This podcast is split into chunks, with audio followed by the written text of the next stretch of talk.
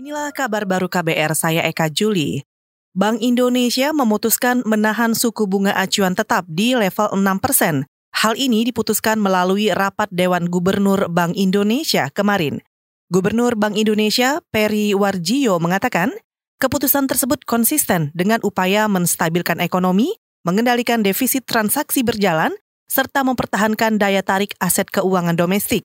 Sebelumnya, Bank Sentral Amerika Serikat The Fed juga mempertahankan suku bunga acuan. Rapat Dewan Gubernur Bank Indonesia pada 20 21 Maret 2019 memutuskan untuk mempertahankan BI 7D reverse repo rate sebesar tetap sebesar 6%, suku bunga deposit facility tetap sebesar 5,25% persen dan suku bunga lending facility tetap sebesar 6,75%. persen. Itu tadi Gubernur Bank Indonesia Peri Warjio. Nilai tukar rupiah menguat setelah Bank Indonesia mengumumkan menahan suku bunga acuan Kurs rupiah Kamis sore menguat 48 poin menjadi 14.140 rupiah per dolar Amerika Serikat. Sekjen DPR Indra Iskandar dicecar belasan pertanyaan oleh penyidik Komisi Pemberantasan Korupsi atau KPK terkait kasus dugaan suap pengurusan dana perimbangan untuk Kabupaten Arafak. Dalam pemeriksaan selama lima jam kemarin, Indra mengaku ditanya tentang status barang bukti berupa dokumen rapat yang disita penyidik. Selain itu, Indra juga menjelaskan tentang posisi tersangka Sukiman yang merupakan anggota Komisi Keuangan DPR. Eh, apakah beliau itu benar anggota DPR? Apakah beliau itu benar uh, anggota Komisi 11? apakah benar beliau itu di Badan Anggaran. Kemudian hal-hal lainnya adalah penyidik mengkonfirmasi beberapa dokumen yang beberapa waktu lalu sudah disita oleh penyidik KPK. Antara lain adalah risalah-risalah e, rapat di Komisi 11 dan di Badan Anggaran tahun 2016 sampai 2017. Sekjen DPR Indra Iskandar juga membenarkan Sukiman masih menerima gaji sebagai anggota DPR meski telah ditetapkan sebagai tersangka.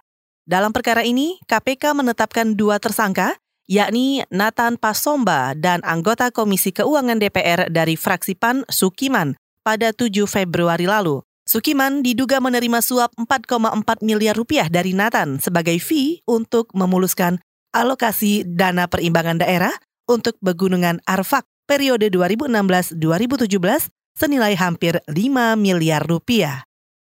Saudara timnas sepak bola U23 Indonesia hari ini bakal melawan Thailand dalam laga perdana grup G kualifikasi Piala Asia 2020.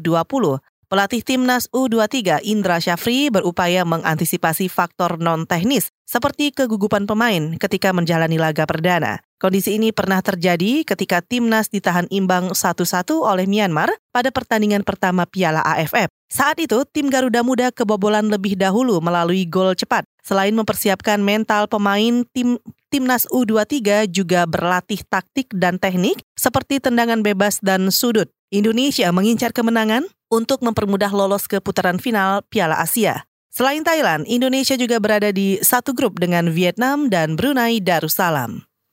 Perdana Menteri Selandia Baru, Jacinda Ardern, memimpin peringatan satu pekan aksi teror di dua masjid kota Christchurch. Dikutip dari CNN, peringatan dipusatkan di Taman Hagley yang terletak di seberang Masjid Al-Nur, yang merupakan salah satu lokasi kejadian. Jacinda Ardern dan warga Selandia Baru, baik Muslim maupun non-Muslim, berkumpul di sana. Pada pukul 13.30 waktu setempat, kumandang azan disiarkan ke seluruh Selandia Baru mereka mengheningkan cipta secara nasional selama dua menit, kemudian dilanjutkan ibadah sholat Jumat. Saudara, aksi teror yang dilakukan Brenton Teron, warga Australia, dilakukan di dua masjid di kota Christchurch, Selandia Baru, 15 Maret lalu.